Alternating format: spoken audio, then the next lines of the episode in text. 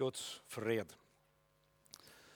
Vi ska sända ett telegram till upp till huvudräddningscentralen. Jag gick som till ett däcket bord idag och läste Herrens ord och själen sanket föde. Gi tron därvid och voxe så att troens frukt ej savnes må detta jag för ham ska möte som för oss alle döde. Herre, vi ber om den åndens salvelse över troens öje eh, som gör att vi kan se lite mer än det vårt legemliga öje ser. Ja, Herre, vi ber om en vind ifra evighetens världen som måtte beröra oss slik att det blev oss till frälse, till liv och till salighet. Det ber vi i ditt namn. Amen. Vi ska läsa i Apostlenes gärningar kapitel 1, vers 1-9 i Jesu namn. Den första bok skrev jag Teofilus om allt det som Jesus begynte med att göra och lära. In till den dag då han blev tatt upp till himmelen efter att han vid den helige ond hade gitt sina befalingar till de apostlar han hade utvalt. För dem framstilte han sig levande med många beviser efter att han hade litt. I 40 dagar viste han sig för dem och talte om det som hörer Guds rike till. Då han var samman med dem böd han dem att de icke skulle förlate Jerusalem men vänte på det som Fadern hade lovt det som, sa han, dere har hört om av mig. För Johannes döpte med vann, men dere ska bli döpt med den helige ond, icke många dagar härefter. De som nå var kommit samman spurte han och sa Herre, är det på den tiden du vill genreisa riket för Israel? Jesus sa till dem, det är icke deras sak att vite tider eller timer som Fadern har fastsatt av sin egen makt. Men dere skall få kraft i det den helige ond kommer över dere. Och dere skall vara mina vittner både i Jerusalem och i hela Judea och Samaria och lika till jordens ände. Då han hade sagt detta blev han löftet upp medan de såg på och en sky tog han bort från deras öjne. Amen. I går kväll så snackade vi lite om det att när Herren säger min nåde är nog för dig, då betyder det att denna nåde den sträcker till också där vår din egen kraft icke gör det. Och som vi sa, att lika så lite som det finnes någon syndeskyld som är så stor att icke nåden kan tillge, lika lite finnes det någon syndevane eller ingrodd syndelänke hvor det icke finnes nåde nog till att bryta det. Det är vad evangeliet säger. Men så är då spörsmålet, ska det få ske i ditt liv? För då må vi ge upp kontrollen över det och ge det till Gud. Och vi snackat lite om den kraft som blir fulländ mitt i det att vår skröplighet är där och våra vansker. Vi har vansker som möter oss, prövelser. Mitt i allt detta kan Guds kraft fulländes, stod det faktiskt. Visst vi mitt i allt det vi möter får leva i vissheten om att Kristus och hans kraft bor i oss. Det är väl det som är det värsta när man upplever livet jobbigt. När det är tufft, när det är tungt, när det är vanskligt, när ting sker. Hvis man da i tillegg tror at dette er et tegn på at Gud er ikke i mitt liv, så blir det virkelig tungt. altså. Gud han er vår dommer. Og hva mener jeg med det? Alltså, det är ju många människor som har ett förfärdeligt bild av Gud. Jag hade det. Jag menar, jag är vuxen upp, icke ett kristet hem. Jag är vokste upp med ett fullständigt vrangbilde, och synden ödelade det bilden ända mer. Så icke sant, eh, jag trodde att jag var för klok för att tro på Gud. Jag var ju så klok, jag är, Så jag kunde ju inte tro på Gud.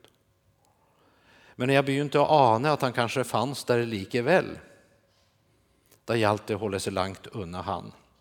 För visst, han fantes, så var han ett trussel mot mitt liv och min lycka och min framtid. Det var det bilden jag hade av Gud. Alltså en Gud som på en måte var ute efter mig. Det var han ju, men på en helt annan måte. Han var ute etter meg for å dømme meg, opprette meg og helbrede meg. ikke sant? Jeg trodde han var ute etter meg for å ta meg. Slikt gudsbilde hadde jeg. Gud är vår dommer. Det vill si, Gud han är den norm efter vilken allt det du och jag gör på denna jord, ska bedömas och dömas. Och därför är det väldigt viktigt att vi icke stänger oss ute från Guds dömande gärning. Hvis vi prövar att unnskylde synd, så blir det ingen riktig uppgör och ingen förlösning. Och hvis vi icke lar oss formes av Guds syn på vår synd, så kan vi synde och sova gott. Och vis vi nog en gång blir minnet om att det vi gör eller tänker är synd, så ser vi att det inte är så säkert det är det. Förr i tiden var ju allting synd, men nu är det ju ingenting som är synd längre. Men tänk visst det är så att det är Gud som avgör det, och icke vi. Och ser du, hvis icke Gud får forma vårt syn på vår synd, då kommer vi att komma längre väck från Gud. Og så kommer vi å begynne å ta synden i forsvar. Och så mister vi vår insikt om behovet av tillgivelse. Det står noe i Hebreerne 12, vers 25. Se till att dere icke avviser Han som taler. For undslapp, icke de som avviste Han som talte på jorden. Hvorveget mindre ska vi undslippe om vi vänder oss fra Ham som taler fra himmelen. Og Et annet sted i hebreerbrevet står det at på samme måte som Gud fordom talte mange ganger til sitt folk gjennom profetene, har han i denne siste tid talt til oss gjennom sin sønn. Så vi kan si Jesus er Guds siste ord til menneskeheten och han har något att se oss, som jag sa, och han är vår domer. Alltså Det som är viktigt att huska det är att Det Nya testamentet, men också det gamla, för den delen, men särskilt Nya testamentet, det är icke problemfixerat. Men det sätter vårt fokus på ham som är lösningen. Jag vet att jag lever i en vond tid. Jag vet att avfallet från den kristne tro har aldrig varit större i Europa än i dag. Men det betyder inte att Gud har mistet kontroll. På ingen måte. Gud är på tronen ännu. Det var en gammal härlig dame i Holland. hon är hemma hos Herren nu, hon heter Corrie ten Boom. Hon plejde att si 'se ner. Och så var det någon av oss som tänkte, ja, ja, nu börjar hon att bli gammal och skröplig och stackarn, eh, Vi känner, hon menar 'se upp. Och när Anne van der Beil, eller broder Andreas som han också kallas, sa ja, Corrie, du, jag förstår, du menar 'se upp. Nej, sa hon, jag menar akkurat det jag säger, 'se ner. Ha alltid Guds perspektiv på tingen. för det kommer att gå nöjaktigt som han har sagt ordet ska fullbyrdas. Vi ska läsa lite i Lukas 24, från vers 44 ett stycke. Så sa Jesus till dem. detta är mina ord som jag talte till dere mens jag ännu var hos dere. att allt detta måtte uppfyllas som är skrevet om mig i Mose lov och profeterna och salmene. Da åpnet han deres forstand så de kunne forstå Skriftene. Og Jesus sa til dem, så står skrevet, at Messias måtte lide og oppstå fra det døde den tredje dag, og at i hans navn skal omvendelse og syndenes forlatelse forkynnes for alle folkeslag fra Jerusalem av. Dere er vittner om detta. Och se, jeg sender over dere det som min far har lovt. Men dere ska bli i byen till dere blir ikledd kraft fra det høye. I Jesu namn ska omvändelse och syndernes förlatelse förkynnes. Det är något märkligt med det när man är ute på resa med tåg eller flyg eller buss eller, och kommer i kontakt med folk. Alltså, det är egentligen inte så vanskelig att säga att man är kristen. Det är inte så vanskelig att fortelle vad slags arbete man står i.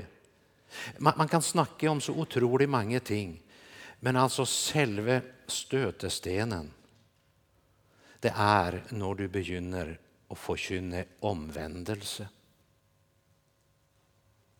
Da, alltså. Omvändelse och syndernas tillgivelse.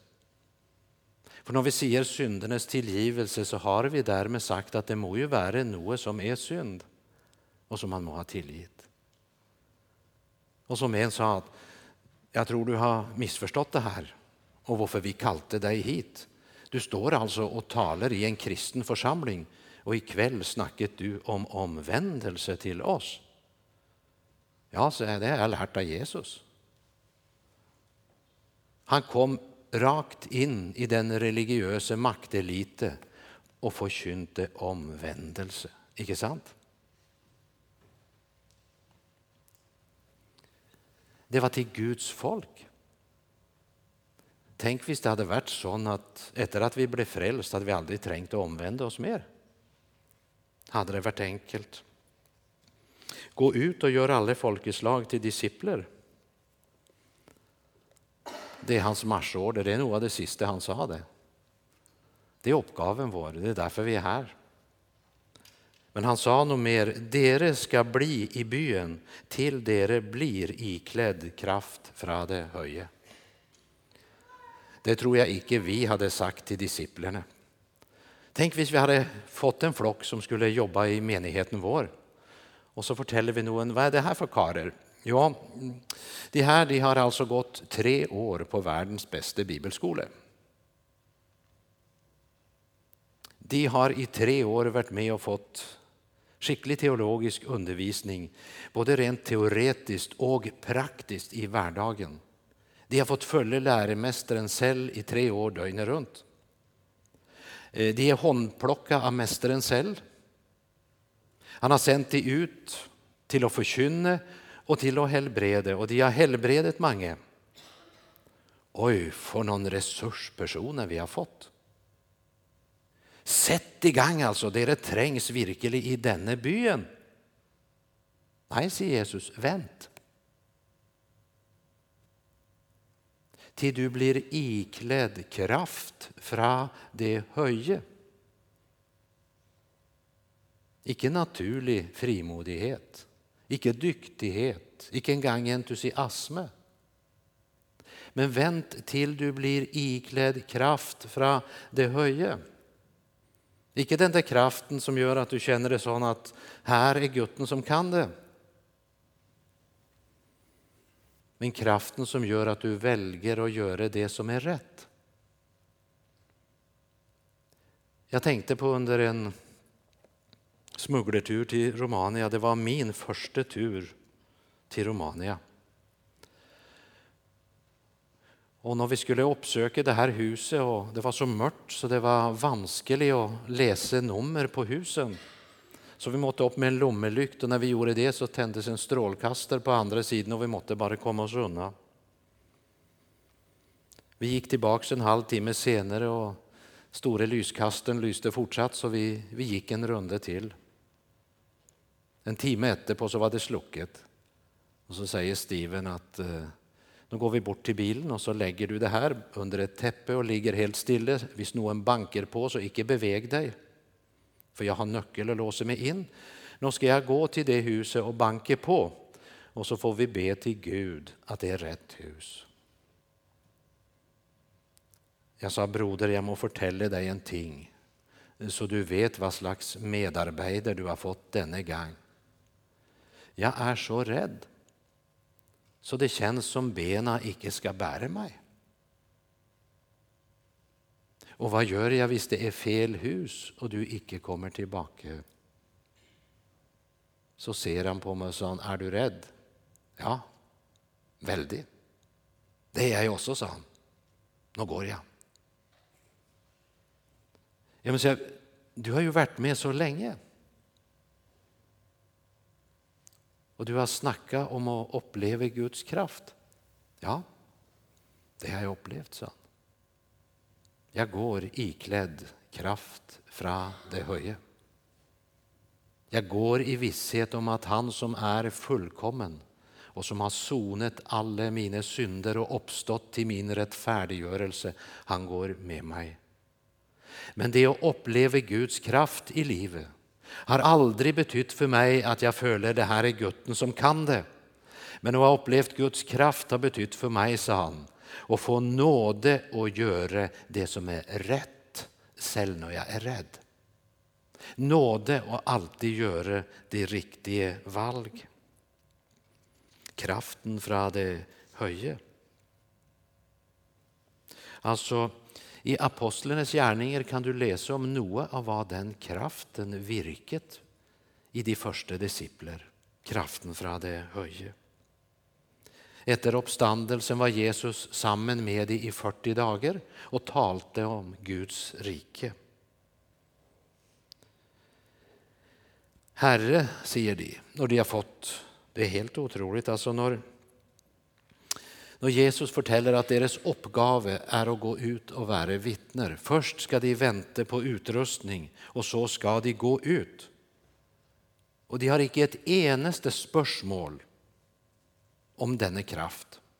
De har icke ett enaste spörsmål om uppgaven han har gett dem. Men de säger, Herre, är det på den tiden du ska genreisa riket för Israel? Här har han stått och sagt vem han är och varför han är kommet och vad som är deras uppdrag. Och de är bara upptagna av sensationer. De ska gå ut i hela världen och förkynna evangeliet. Och de har inte ett enaste spörsmål om det. För de är inte så upptagna av att vara hans vittne, men upptagna av att ha ett grejt liv.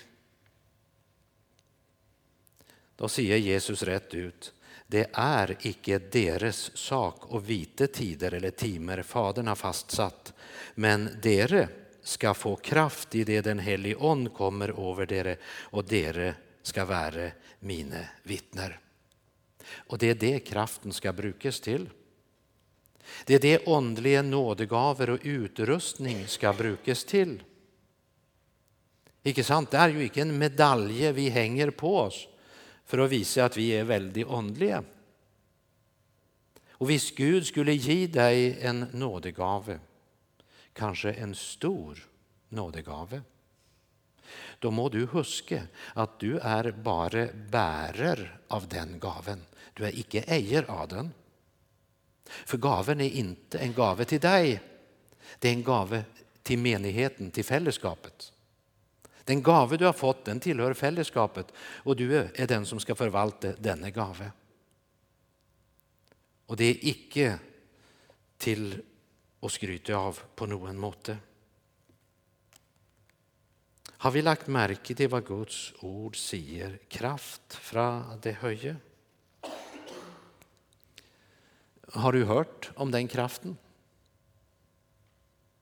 Är, är du upptatt av det? Har, har du bett om att den ska vara virksom i ditt liv? Det var något de ennå savnet, och det var något man inte kunde lära sig upp till.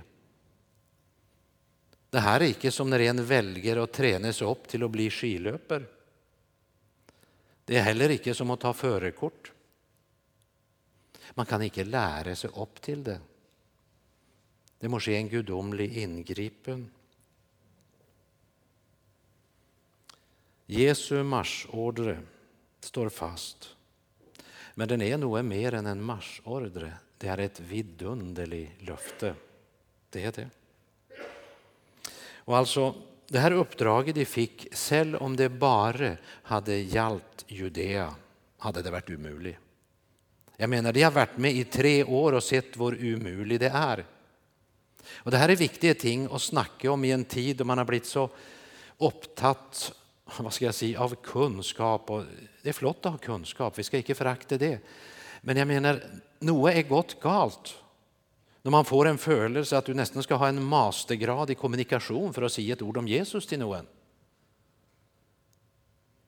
När man tänker på den första tidens kristne. Enkle människor, noen av de, höjt uppsatte andra, en ting felles. När de blev berörda av Gud så vittnade de. Och de människor som har berört mitt liv mest har icke varit någon åndliga genier. Den ene han var fargehandlare på Pilestredet i Oslo. Han gick hem till Gud 1984. Jag var på bönemöte hos Oskar på fargehandeln två gånger i ukan när jag gick på skola i Oslo. På bibelskolan fick jag teorin, på Oskars fargehandel fick jag praktiken. Det var en märklig fargehandel alltså. Där kunde du inte handla utan att bli spurt som du hade det med Gud. Och han var aldrig påträngande. Men det brant en nöd där. Eller gamle Margit Hellström på Frälsningsarmén i Robertsfors. Ofta syk, tjänte Gud så långt hälsan strack till och det var inte mycket. Men alltså, det hon sa och det hon gick i rätte med i mitt liv. Det är uppenbart att här är en kvinna som har kontakt med Gud. Och varken fargehandeln eller Margit eller någon av de andra som har präglat livet mitt, de var icke syndfria, icke fullkomliga på någon måte. De var människor. Syndare som hade fått nåde och blivit frälst och visste att de var det. Och icke minst, de var berört av Gud. Det är icke bara snacket om Gud, men de hade åndelig kraft till att sätta mig i personlig förbindelse med Gud. Ja. De var icke någon snackekonsulenter. Det bygger icke på vältalighet. Men det är detta la sig vidröra av Gud. Be gärna om åndens fullhet i ditt liv. Det säger jag. Låt det vara en daglig bön inför var ny dag. Men be icke om det hvis du icke är beredd på att få se syndens fullhet i ditt liv. Det är det smärtliga det här. För onden överbevisar om synd och så rättfärdighet och dom. Och domen är inte negativ. Guds dom är att det är en som är dömd i mitt sted. Han överbevisar om min synd så jag får gjort den upp. Han överbevisar om den rättfärdighet han ger mig. Och så kommer domen Westman, du är frikänt. Och där har jag min frimodighet. Min frimodighet är att Gud är rättfärdig. Det ger mig frimodighet. Som det står i den gamle danske salmen. De gamle avhandlade saker man ej atter for domaren drager, ej heller av rätten befales att gälden to ganger betales. Gud har tagit betalt för mitt liv. Det gick full betalning och prisen var otroligt hög. Jamen. Och Gud är rättfärdig, så han kan inte ta betalt för det en gång till. Så finnes det ingen fördömelse för den som lever i Kristus Jesus. Men då är det väldigt viktigt att vi studerar Bibeln varje dag så vi vet vad det vill säga och leva i Kristus Jesus. För gör vi inte det, då står vi under domen. Det är ingen automatik i det här. Nu hade de varit med Jesus och sett hur vanskligt det var. Ibland hörs det ut att om vi hade varit flinkare på att kommunicera och om vi bara hade ditt och datt, då ville vi nå mycket folk och då, då, då ville folk skönja hur god Gud är. Men jag menar, jag går ut ifrån att Jesus visste vad han snackade om. Tänk dig för ett möte de hade, det var ju tusener av folk förutom kvinnor och barn. Snack om stormöte alltså. Tänk dig om vi hade lejt ett kämpetält och så haft möte här i Stavanger. Och så kom det 6 till 10 000 människor. Och så kom jag hit för att preka. Och när jag har prekat klart så har hela tältet blivit tomt. Det är tolv stycken på första bänkrad som sitter igen och det är arrangemangkommittén. Och det ser ut som de har tänkt att gå de också, så jag spör, undskyld, har de också tänkt att gå? Jo, vi har tänkt det, men vi vet bara inte var vi ska gå. Det är väl lyckat möte det. Jag tror inte jag hade blivit kallt igen. Men hur ska det vara Jesus. När han gjorde ett mirakel och de fick spisa sig mätt, då ville de göra han till konge. Ja, det är många kongliga Jesusfigurer som icke bringer frälse. Men när han står fram och berättar varför han är kommit, när han begynner att förkynna det han pålägger oss att förkynna, omvändelse och syndernas tillgivelse, då stack de. Hård tale, vem kan höra detta?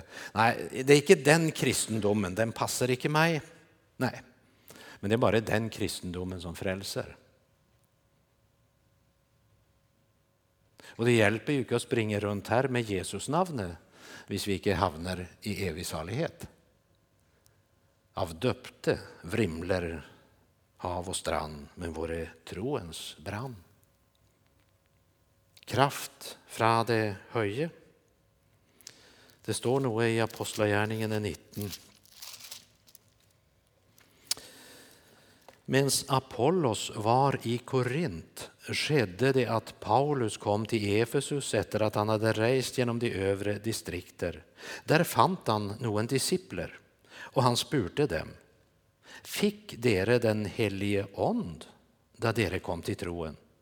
De svarte ham, vi har icke en gång hört att det är någon helig ond.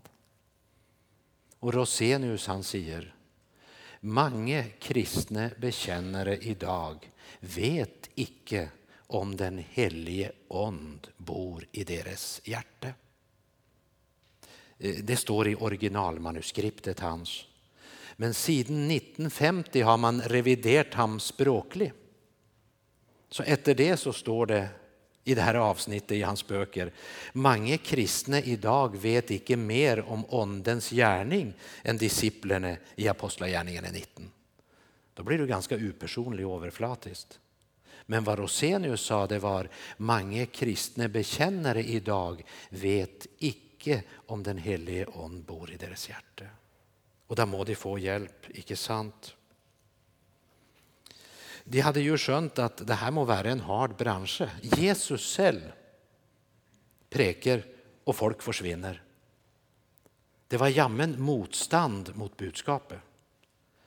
Så om Jesus hade sagt att ska vinna hela Judea så hade själv den begränsningen gjort det omöjligt. Alltså missionsuppdraget vi har fått vänner, det är icke bara vanskligt, det är faktiskt omöjligt. Det bygger på en gudomlig marschordre och därför fungerar den än idag. För ser du, evangeliet det inte bara informerar om tro, det skapar tro. Så kommer det att troen av förkynnelsen en hörer och förkynnelsen som en hörer kommer vid Kristi ord. Så det är inte vilken som helst förkynnelse. Evangeliets makt den gjorde sig gällande efter Kristi himmelsfart. Men så är spörsmålet, vad betyder det för oss idag? Är det bara en teori, något vi har kunskap om? I Efesene 3.30 talar Paulus om den kraft som är virksom i oss. Och han snackar om att Kristus med troen ska bo i vårt hjärta. Det här är ett sted som är värt att meditera över. Kristus skall med troen bo i mitt hjärta, icke vara som på visit av och till. Han ska vara en del av livet. Den utrustning vi får den är övernaturlig. Alltså vi, vi, vi har missbrukat det hela lite. Hvis någon har en väldigt pen sangstämme så säger man åh, för en nådegave hon har. Det är inte riktigt det. Det är en naturgave. Och det är flott när de som har den gaven brukar den till Guds ära. Andra brukar den till karriär. Men det, det, det är inte en nådegave, det är en naturgave. En nådegave, det är något som du på ingen måte har av naturen och som blir det gitt vid en gudomlig ingripen i ditt liv från den allmäktige. Det är en utrustning som inte finns där framför. Noe falt på steingrunn. Alltså i Matteus 13 och i Markus 4 och Lukas 8 parallelltexterna där så fortälles lignelsen om såmannen eller vi kan säga lignelsen om jordmån. Och Charles Coman han sa att av denna lignelse lärer vi att jordmånen är icke utan betydning och han har rätt. Alltså Jesus han lägger stor vikt vid det här. Steingrund står det, steingrund med icke meget jord, Litt var det. Och det snackar egentligen om överflatiska människor. Människor av denna typ de har egentligen icke någon normer. De kan bli också rört i en beveget atmosfär eller en god preken eller en melodiös sang. Och till att begynna med så ser det också ut som om det har skett något med dem. Men det finns icke meget jord, ingen djupare hänsikt, ingen dybder, ingen allvarlig längsel efter att lära och känna sannheten. Låt oss granska jordmåne i hjärtat vårt. Du vet, en överflatisk natur den behärskas av impulser och intryck och ögonblick intuitioner, instinkter och mycket av omgivelsen.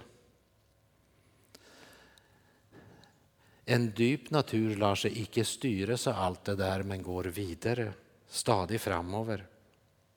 Han seglar både i solsken och tåke och storm. För det är något som träcker. Något som är större än han själv. Vi har icke fått världens ond men den ond som är från Gud för att vi ska känna det som Gud i sin nåde har gett oss. Tygg på det lite. Det står i första Korinthierbrevet 2.12. Du har icke fått den ond som är världens ond, men den ond som är från Gud för att du ska känna vad Gud har gett dig. Det, det är något Gud må uppenbara och visa det. Det är det.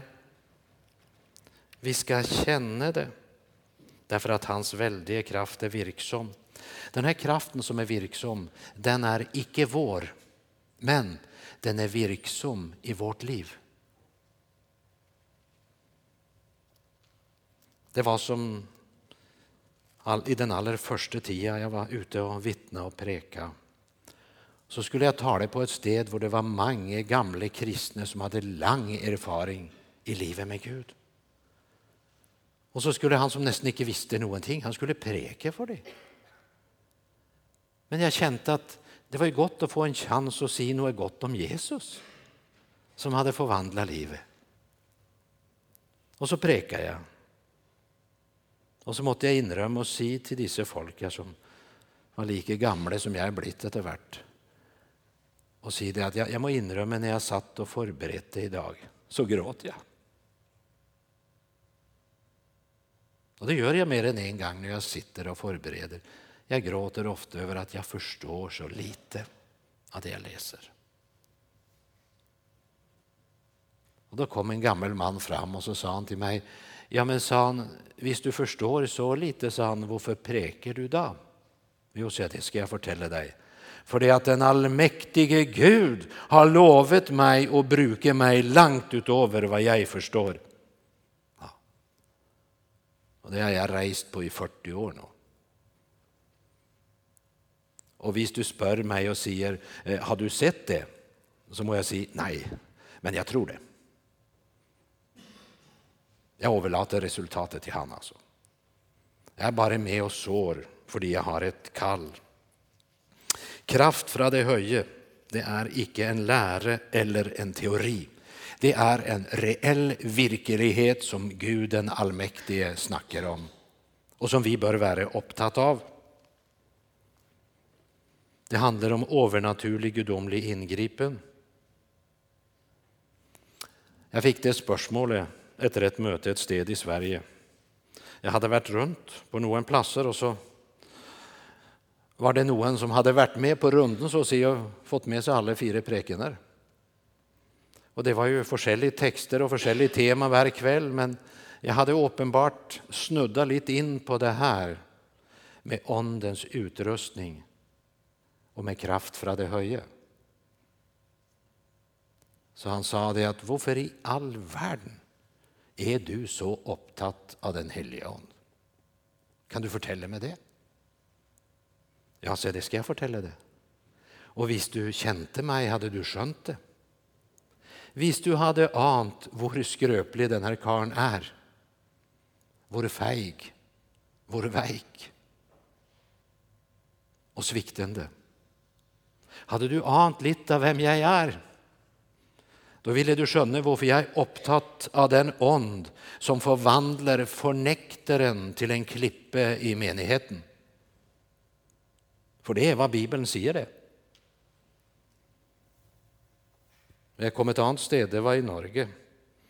Där var det en som sa, ja, nu har jag varit kristen i 30 år, sa han, jag måste säga att jag känner mig verkligen som en Peter, pris Gud, sa jag. Halleluja broder. Så du är en klippe i menigheten. Det var gott att höra. Nej, nej, nej, sa han, jag tänker nog på förnektelsen. Ja, men har du varit frälst i 30 år och så har du din tröst i hurdan en disippel var för han blev utrustad av Gud. Vad är det vi håller på med vänner? Är, är det sån vi lever? Som om det här löftet aldrig var gitt? Och så går vi runt som förnektare ett helt liv och så tror vi att det är nåde. Heldigvis är det ju bara nåden som frälser. Ja, det är bara det. Men det är ingen hjälp i det hvis du inte lever i nåden. kan du snacka om den så mycket du vill. Det blir ingen hjälp. Jesus är god. Det är mer än man kan säga om mig. Därför håller jag mig till ham. Jag grejer inte en gång att vara god och rättfärdig mot mig själv. Jag har väldigt lätt för att känna en form för fördömelse. Det har att göra med min uppväxt och min bakgrund. Som knuste självbilden mitt fullständigt.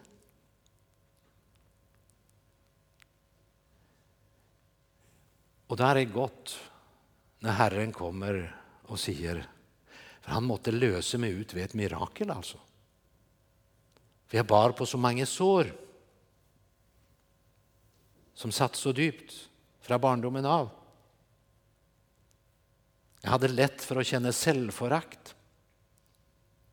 Och så kom Gud och visste mig att han föraktar mig icke. Men han dömer mig, han dömer min synd, han är rättfärdig. Han anklagar icke, det står djävulen för, det är hans department. Gud han dömer, så upprättar och helbreder han. Djävulen dömer aldrig, bara anklagar. Och så visste Gud att han förakter icke mig. Och så talte han väldigt starkt och sa och du må heller aldrig förakte ett mänske som jag icke förakter. Det gjorde något med min självförakt alltså. Pris ske Gud. De hungrige han mätter och den svake kraften får. Missmodige blir fyllt med sägersang.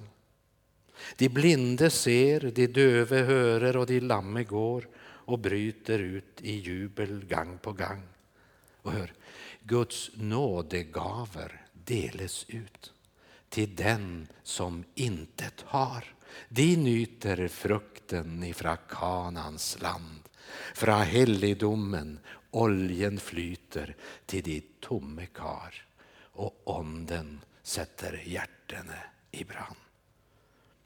Du vet, det var nog en discipler som var på väg från Emmaus, eller till Emmaus. Och de gick och snackade och var väldigt missmodiga för det att de hade följt med Jesus och nu var han korsfästa och nu var det hela över. Och de, de snackade om han i fortid, för när Jesus kom och lurte vad de snackade om. Och så sa de, är du den enda som inte har hört det? Vad som har skett i Jerusalem nu? Om Jesus, han som var en stor profet och som vi trodde, till och med troen var fortid. Ja. Men det, han kommer inte med en anklage, han uppenbarar sig för dem. Och så etterpå säger de, brant icke våra hjärtan i oss när han talte med oss på vägen. Ja. Men alltså ska han få göra det i ditt liv så kan du ju icke bruka fem minuter per dygn samman med Gud och två timmar föran fjärnsyn. Och har du tänkt att fortsätta med det så kan du glömma allt jag har sagt. För jag kan inte hjälpa dig och ingen annan heller. Men visst du finns här för vilken evigheten betyder så pass mycket att du har tänkt att prioritera det. Och söka den Gud som så gärna vill döma dig tillge dig, upprätta dig och helbreda dig och göra något helt nytt i ditt liv. Jag har sett det ske bak järntäppe. Jag har sett det ske i Skandinavien. Och jag har upplevt det i mitt eget liv. Det här har jag icke lärt på biblioteket. Alltså. Och nu går Jesus runt ikväll han tvingar sig icke på någon. Ingen övertalning. Han bara spör. Vill du slippa mig till oavsett vad det kostar? Vill du ge fra dig en synd jag pekar på? Eller är det något som betyder så mycket för dig att du inte vill ge slipp på det? För att säga det så, en avgud en avgud är allt det som betyder så mycket för mig att jag är beredd att bryta Guds bud för att uppnå det. Det är en avgud. Vi har ett uppdrag att gå ut i hela världen och göra alla folkeslag till discipler. Och då tränger vi kraft från det höje. Det har jag skönt. Syns ofta jag manglar den kraften. Alltså, det är ju lätt att stå här och snacka om Gud för det vet ju varför dere kommit hit. Det, det är vanskligare när jag jämme möter den ufrälste naboen vid postkassa. Vilket sant? Men det är viktigt att också han får höra. Kom och var med i kampen, du trängs. Jag vet bilder är banalt, men det kan hjälpa oss. Att vara med i Guds rike det är som att vara på ett fotbollslag. Du vet också det är, inte sant? En liten grön rektangel där 22 amatörer kämpar för livet och runt omkring sitter 5000 professionella som kan allt så mycket bättre. Och de ser alla fel som blir gjort på banan för de har ljuslig god tid till det. Vi som är på banan räcker inte att se så mycket av de fel vi är så upptatt. Men jag lovar dig ingen ära i denna världen. För det är ett lite märkligt lag jag är med på. Motståndarlag alltså, de har, de har lika drakter allesammans. Och när de kommer in så jublar och klappar publiken. I mitt lag så är det ingen som har lik drakt. Och vi ska komma tillbaka till det om mangfold och enhet. I mitt lag är det ingen som har lik drakt. Och så har vi ett litet handikapp, alla har ett ben amputerat. Och så hinkar vi in på banan under publikums latter. Men det blir lite förundra för det att laget mitt, vi synger. Främmad Kristi härmen, främt i helig strid. Föran oss går Jesus som i fordomstid. Och så säger de, hur kan du synge? Är inte du med på det laget? Ja, säger jag. Jo, men hur kan du synge då? Jo, säger jag, för att jag är den enaste som känner domaren och vet hur kampen slutar. Nämligen, jag vet på vem jag tror. Och det hoppas jag att du gör. Och visst du inte gör det så lär ham och känna. För det är det enaste som kan ge frimodighet. Lär ham och känna och ge ham tid och se Herre, utrust mig med kraft för att höje till att vara ditt vittne. Och jag lovar dig, Herre, hvis du ger mig den utrustningen ska jag icke bruka den till att brifa mig. Jag ska gå. Jag ska bruka den till det du har sagt. Jag ska gå ut och i möte med människor förkynna omvändelse och syndernas förlåtelse. Främmad Kristi härmen. Främ till helig strid. Föran oss går Jesus som i fordums tid. Herre, hjälp oss att vi icke är ett folk som bara ska ha dig som en livförsäkring och som en som hjälper oss när det är vanskligt. Men Herre, rör vi oss slik och uppenbar dig slik att vi får en slik kärlighet till dig. Att vi ser det som en ära och en glädje att få tjäna dig. Och att vi hör din marschordre. Gå ut och gör alla folkeslag till discipler. Gå ut och förkynn omvändelse och syndernas förlåtelse. Och det vill vi. Amen.